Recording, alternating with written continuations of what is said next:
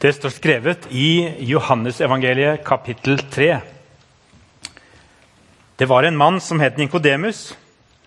Han var fariseer og en av jødenes rådsherrer. Han kom til Jesus om natten og sa, 'Rabbi, vi vet at du er en lærer som er kommet fra Gud,' 'for ingen kan gjøre de tegnene du gjør, uten at Gud er med ham.' Jesus svarte, 'Sannelig, sannelig, jeg sier deg:" 'Den som ikke blir født på ny, kan ikke se Guds rike.' Hvordan kan en gammel bli født? sa Nikodemus. Kan noen komme inn i mors liv igjen og bli født for andre gang? Jesus svarte, sannelig, sannelig, jeg sier deg, den som ikke blir født av vann og ånd, kan ikke komme inn i Guds rike. Det som er født av kjøtt, er kjøtt. Men det som er født av ånden, er ånd. Undre deg ikke over at jeg sa til deg, dere må bli født på ny. Vinden blåser dit den vil. Du hører den suser, men du vet ikke hvor den kommer fra, og hvor den farer hen. Slik er det med hver den som er født av ånden. Hvordan kan dette skje? spurte Nikodemus. Jesus svarte, du er en lærer for Israel og vet ikke det. Sannelig, sannelig, jeg sier deg, vi taler om det vi vet, og vitner om det vi har sett, men dere tar ikke imot vårt vitneutsagn. Hvis dere ikke tror når jeg taler til dere om det jordiske, hvordan kan dere da tro når jeg taler om det himmelske? Ingen annen er steget opp til himmelen enn han som er steget ned fra himmelen, menneskesønnen, som er i himmelen. Og slik Moses løftet opp slangen i ørkenen, slik må menneskesønnen bli løftet opp, for at hver den som tror på ham, skal ha evig liv. For så høyt har Gud elsket verden, at han ga sin sønn den enbårne, for at hver den som tror på ham, ikke skal gå fortapt, men ha evig liv. Gud sendte ikke sin sønn til verden for å dømme verden, men for at verden skulle bli frelst ved ham. Den som tror på ham, blir ikke dømt. Den som ikke tror, er allerede dømt fordi han ikke har trodd på Guds enbårne sønns navn. Og dette er dommen. Lyset er kommet til verden, men menneskene elsket mørket høyere enn lyset fordi deres gjerninger var onde. For den som gjør det onde, hater lyset og kommer ikke til lyset, for at hans gjerninger ikke skal bli avslørt. Men den som følger sannheten, kommer til lyset, så det skal bli klart at hans gjerninger er gjort i Gud. Slik lyder Herrens ord. Da ønsker jeg velkommen opp på scenen Liv Nesse Amundsen. Noen av dere har hilst på henne i gudstjenesten, kanskje hørt henne på timeout tirsdag i høst. Hun har vært en av de som har vært med på, på det, både arrangere og ha foredrag. Men i dag vil jeg ha henne med på en samtale her på scenen. Du er relativt ny i vår menighet.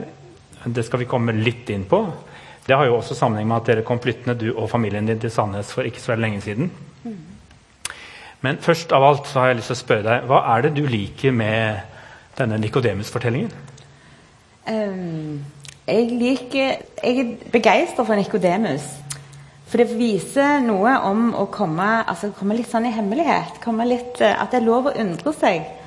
En del av bakteppet i min fortelling er at jeg eh, har vokst opp ikke i en kristen familie. Jeg ble kristen da jeg var 17. Og så, etter noen år og noen utfordringer, så, så forlot jeg troen. Mm. Forlot menigheten og fellesskapet. Og til slutt så slo jeg opp med Gud. Men har da kommet tilbake som voksen. Og der er det jeg kjenner Nikodemus. Det å få lov å komme og undre seg. Jeg har vokst opp i en eh, kultur og en familie hvor det å undre seg, det å stille spørsmål rundt alt, var lov. Og var veldig bra. Og derfor er jeg så begeistra for Nikodemus, som, som, spør og grubler. Og at Jesus tar imot ham litt sånn i hemmelighet, og at det er greit. Jeg syns det er så fint. Mm. Mm. Nikodemus han, han, er jo lærd. da. Han er godt utdanna. Det tror jeg nok flere og flere som sitter i kirkebenkene, kan kjenne seg igjen i. At vi kanskje over gjennomsnittet intellektuelt utrusta. Fordi vi har fått med oss så veldig mye akademisk kunnskap, vi som bor i Norge, og som er voksne i Norge. Veldig mange som sitter i kirkebenken, i hvert fall. Men trenger å være en motsetning mellom det å være glad i kunnskap og det å ikke tenke at man har alle svarene. Nei, jeg, jeg tror ikke det. Og jeg håper ikke det. Jeg tenker at det å være glad i kunnskap, og det å ha, være kunnskapsrik, eller hvis vi skal bruke det ordet intellektuell Altså det å ha uh, utdanning Jeg tenker at det du bærer med deg, har så lite med det å gjøre. Det å våge å undre, ikke minst når det gjelder troen, når det gjelder Gud. Jeg tror det er flere enn meg. Skal jeg ikke påberope meg noe svær intellektuell kunnskap og evne her, men jeg tror det er flere enn meg som har behov når det gjelder disse tingene, ikke bare å se på og akseptere, men òg snu på de steinene, gruble, lure. Jeg tror ikke det er bare meg som har syntes det har vært vanskelig. Jeg tror det er flere. Mm. Så jeg ser ingen forskjell. Jeg ser ingen, uh, trenger ikke være noe mismatch der. Nei. Mm. Hva er det egentlig Jesus og Nikodemus snakker sammen om i den samtalen? Den er, litt, den er jo egentlig litt kryptisk. Jeg syns den er kjempetung. Og jeg syns det er utfordrende. Jeg syns den lille Bibelen jeg synes jo den har vært ganske utfordrende. For at De snakker om så veldig veldig store ting. De snakker om eh, Altså, En ting er tro. Sant? En kommer ofte med den lille Bibelen. dette, Bare du tror på dette, så er det greit. Men det er egentlig så kjempestort. For det er jo snakk om både fortapelsen, og det er snakk om håp, og det er snakk om muligheter, og det er snakk om de Altså selve livet. Og sånn som jeg forstår samtalen, så er det det å stille spørsmål rundt det å våge å tro, rundt det å våge å leve i det, rundt det å leve, leve i Jesus. Den som er gjerne den all in, som det heter i dag. da. Men det å våge å følge. Jeg opplever det sånn. Mm. Sånn sett så er det ganske sånn eh, ganske utfordrende budskap Jesus sier Nikodemus her. Kjempeutfordrende. Det, jeg syns det er kjempevanskelig. Snakke om fortapelse og snakke om ja, enorme livsvalg. Mm. Og om døden. Mm. Og om livet nå. Så jeg syns det er en utfordrende tekst. Mm. Og det hører jo med til eh, alle de spørsmålene som du på en måte har hatt med deg, og som kanskje både førte deg inn første gang i en, eh, en kristen menighet, og som eh, gjorde at du tok avstand, og så kom tilbake. Og du har sagt til meg at eh, du mangler egentlig et ord for det du er. Eh, så sa jeg, Det kan jo være nærmest er kanskje måtte bruke ordene fra den bortkomne sønn, eller si noe om å være den hjemkomne datter. da, mm. Eller den hjemkomne sønn. Du har lekt deg litt med forskjellige ord. Er jeg gjenkristnet? Eller, ja. Men si litt om akkurat det der med hva, hva er det du opplever har skjedd med deg? Altså Det jeg opplevde veldig kort, det var at jeg eh, plutselig, altså etter noen år vekke Og jeg savna faktisk ikke oppriktig talt. Jeg, tenk, jeg, jeg, lette i hvert fall ikke etter noe savn i meg sjøl. Jeg fikk barn, og livet var kjempetravelt. Men så skjedde det et eller annet inni meg, og jeg mener at det er Gud som planter en lengsel inni meg litt sånn ut av det blå. Tar opp igjen en del kontakt med venner, gamle venner fra kristentida. Og eh, brukte mye tid. Fikk en stakkars ny kollega som kalte seg sjøl svært kristen. Og jeg ble svært provoserende. For vi diskuterte og kverulerte. Begge to var like gode, tror jeg. Men jeg fikk en sånn lengsel etter kunnskap. Og jeg tok det nok ut på en litt sånn feil måte. Men jeg tror at den lengselen var fra Gud. Hvor jeg snakket med folk, skrev med folk, leste og leste og leste. Nettet er fullt av dårlige ting hvis du er litt sånn på leit. Mye bra, mye not så bra. Men jeg tror Gud starta en lengsel hvor jeg er på vei hjem, da. Mm. Nå skal jeg si noe som kanskje vi ikke forberedte oss på, men som jeg tror du tar på strak arm. Eh, du har noen venner som har advart deg litt. Så at de har vært liksom inne og lest litt om bymenigheten og for sånn, liksom, I all verden, hva er det du har rota deg bort til nå, Liv? Hvordan svarer du dem? Ja. Nei, um, vi flytta jo hit for et år siden. Og så var det jo egentlig dattera vår som ønska å være konfirmant, som gjorde at vi fant her, da. Og ja, noen har advart litt, eh, de har det. Men jeg, jeg bruker å svare at uh, det går fint. Det er plass og rom. Og jeg har jo opplevd at det, det har vært plass i hvert fall, eh, Ja, det har vært plass og rom til, til å snu de steinene. Ikke nødvendigvis her, sånn i taler eller her framme, men òg for seg sjøl. At det er tid, tid, til å lese, tid til å lytte på podkaster, tid til å spørre, og, og, muligheten for kanskje å komme med ulik bagasje og ulike tanker og ulike forutsetninger og meninger. Og, ja, å tenke fellesskap. Mm, at det er en del av veien jeg går. Mm. Vi er veldig glad for at det går an å være med i menigheten og ikke nødvendigvis er helt framme i alle mulige spørsmål, men at vi samtidig kan si at vi er en familie som går sammen. Og så vil vi kunne være som Jesus og mene at vi er ikke som Jesus, men det går an likevel å oppleve at man har noen svar å gi hverandre. Og likevel gi det rommet som åpenbart Jesus gir for at folk kunne komme til ham til og med om natten og være der de var og bruke litt tid. Han utfordrer jo. Vil du være med meg til Kapernaum nå? i den filmversjonen. Og vi får ikke noe svar på det. Vi får ikke noe svar på om Nikodemus er klar til å bryte opp og gjøre de radikale valgene. Men jeg har lyst til å spørre deg en ting til i forhold til det med å komme hjem. For du sier noe om at mange er nok som Nikodemus, som eh, på en måte kommer tilbake, men som nøler litt. Og så, og så sier han om at det er jo noe med dette, denne invitasjonen, da. For det er jo egentlig temaet for denne Chosen-episoden. At Jesus inviterer veldig mange mennesker langs veien. Og så sa du noe til meg om at eh, vi trenger kanskje å høre det mange ganger. Den invitasjonen. Vi må på en måte en del mennesker trenger faktisk å høre den invitasjonen flere ganger før de virkelig tør å si ja. Si litt om hva du mener om det. Nå snakker jeg jo litt for meg sjøl, men jeg har jo andre venner som er litt sånn i samme situasjon og gate som meg, som forlot fellesskap og menighet, eh, og gjerne tro òg. Og at vi er litt på vandring. Når du har opplevd det å miste fellesskapet, så er det ofte, og i hvert fall i min situasjon, så var det ikke et lett valg. Det skjedde på en veldig, veldig vanskelig måte.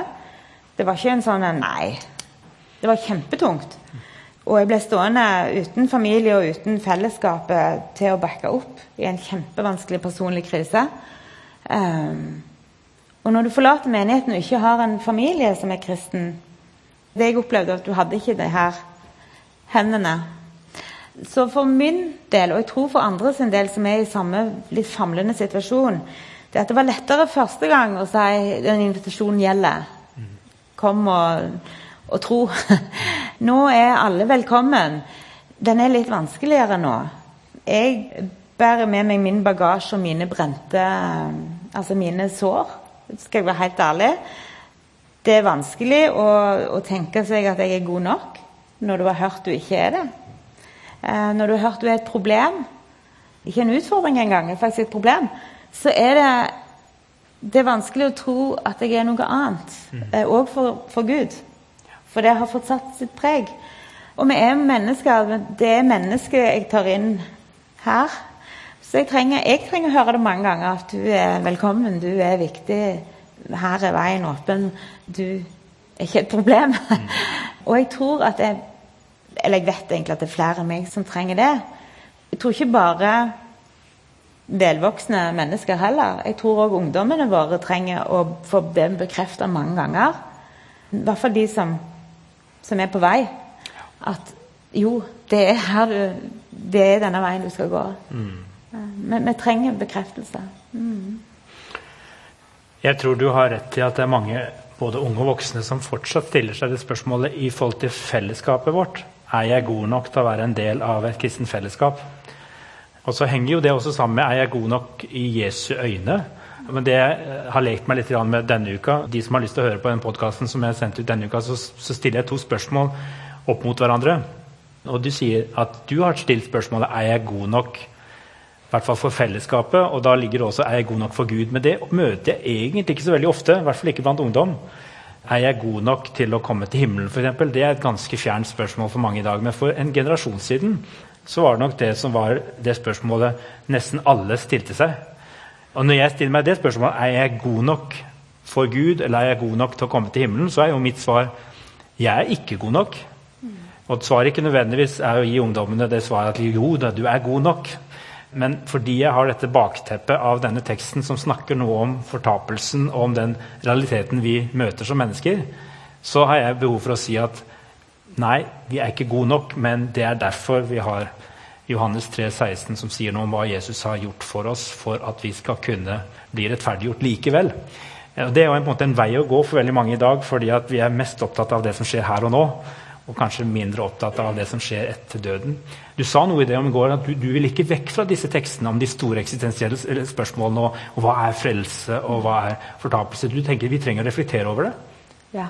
Og vi trenger altså vi trenger de store, vi trenger det utfordrende, vi trenger det store. Vi trenger å snu de steinene for det. Men det er utfordrende. Jeg syns det er kjempeutfordrende å komme tilbake til tro ikke bare fellesskapet og troen og det jeg har mista og det jeg har fått, men òg at mine foreldre og min familie altså, de er jo fortsatt ikke Da må jeg på en måte akseptere Hvis jeg aksepterer disse store ordene om fortapelse, så aksepterer jeg òg at det betyr noe for mennesker jeg er veldig, veldig glad i. Og det syns jeg faktisk som voksen er skrekkelig utfordrende å gå inn i det igjen og, og tenke hva det Det å akseptere det medfører. Men jeg ønsker likevel at vi har disse tingene, at vi har rom for å spørre og snakke og gruble. Mm. Tim Keller han har sagt at uh, hvis vi alltid er enige med Gud i alle spørsmål, så er sjansen stor for at vi har skapt oss en avgud i vårt eget bilde. Det syns jeg er godt sagt. Jeg, jeg, kjemper med Gud, og jeg kjemper med disse spørsmålene. altså Prøver å finne en vei mellom det å kunne utfordre og kjenne at dette, dette syns jeg er vanskelig å forholde meg til.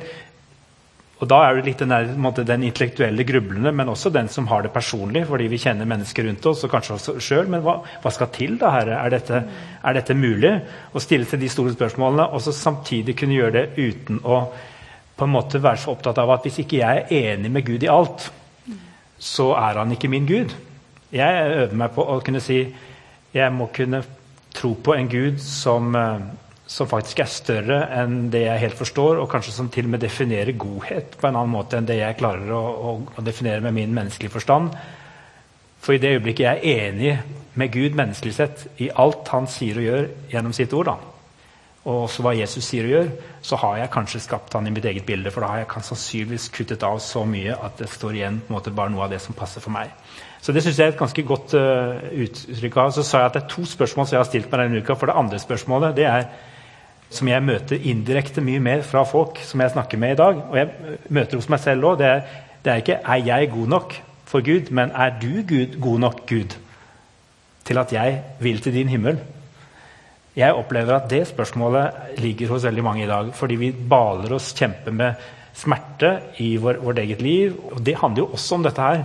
Men det er litt tendensen i vår tid at vi tror jeg, bruker mye krefter på å anklage Gud eller stille spørsmål ved Gud.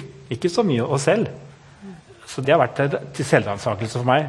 At noen ganger så må jeg få lov til å stille spørsmål til Gud og anklage på en måte Gud uten at jeg bruker det som en uh, en unnskyldning for å ikke møte meg selv og det jeg selv trenger å utfordres på.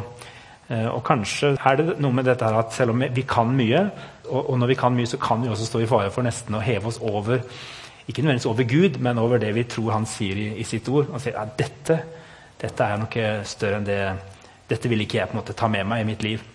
Da har vi på en måte flyttet fokus på, på han. Og det er kanskje litt lettvint av og til, for da slipper vi at han anklager oss. Men når vi lar han anklage oss, så er det jo på en måte litt dommeren vi møter. Og jeg syns av og til at vi skal møte Gud også som dommer.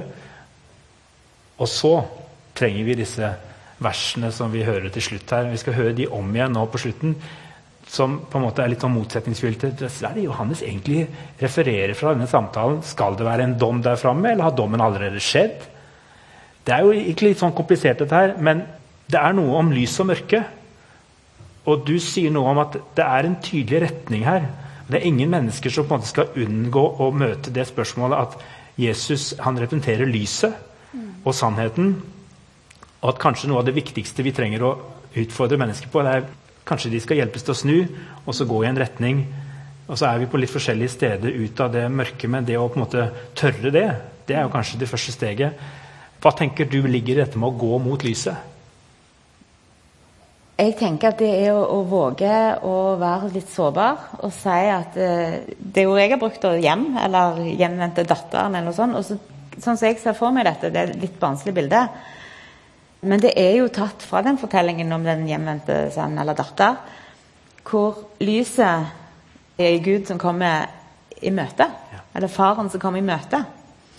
Og så tenker jeg det at å gå imot noen som kommer en i møte, det, det har jeg tenkt veldig mye på. Og den klemmen eller den omfavnelsen. Men så trenger vi ikke alltid ende opp altså Det å gå mot lyset tror jeg òg For min del har den veien vært ganske lang. Den har vært kjempelang. Og jeg kan ikke påstå at jeg helt har stått i spotlighten sånn midt i, som jeg gjorde da jeg var 17. og pff, sant? Men jeg er litt sånn i utkanten kanskje få litt lys på hendene av og til. Og kanskje, kanskje det kan være nok, det òg. Å være med og si at du trenger faktisk ikke all in alltid. Eller, men at det kan være nok. At Gud eh, At Guds omfavnelse, eller det lyset, kan være nok. Eh, jeg vil jo så gjerne En del av meg vil gjerne tilbake til det eh, 17 år gamle superopplevelsen. sant? Når du, du bare dibber. Samtidig så vil jeg ikke det. Jeg vil ha med meg livet mitt. Jeg vil ha med meg fortellingene mine, og da må jeg akseptere at, at veien er òg en del av det. Og eh, jeg håper at det holder. At det å være på hjemvei er òg At det er så mye lys der at jeg når fram. Og så er det en utfordring for alle et fellesskap. Det handler ikke om deg, men det handler om oss alle. At vi, at vi viser hverandre at det ikke er farlig å bevege seg ut av det som måtte være et mørke i vårt liv, eller av det som på en måte vi skammer oss over, eller det som vi ønsker ikke skal bli avslørt. At det er på en måte vårt selvbedrag, men at det er godt å gå mot lyset. Altså vil det bety forskjellige ting for oss, og hva det betyr i retningen den betyr i våre liv. Men der tenker jeg at eh, der trenger vi et fellesskap som våger å gå inn i det som er vanskelig, og ta hverandre med mot lyset. Og da leser jeg om igjen, i lys av den samtalen vi har hatt nå, disse siste versene i Johannes kapittel 3. For så høyt har Gud elsket verden, at han ga sin sønn den enbårne, for at hver den som tror på ham, ikke skal gå fortapt, men ha evig liv.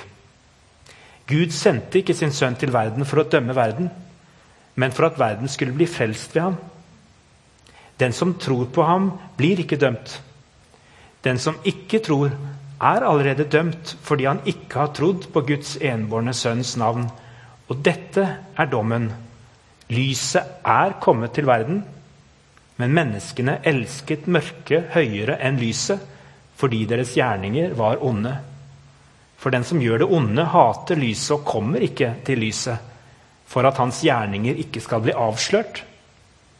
Men den som følger sannheten, kommer til lyset, så det skal bli klart at hans gjerninger er gjort i Gud. Takk skal du ha, Liv, for at du delte, og for at du våger å være åpen. Og også komme opp her på scenen sammen med oss i Bymenigheten. Gi henne gjerne en applaus.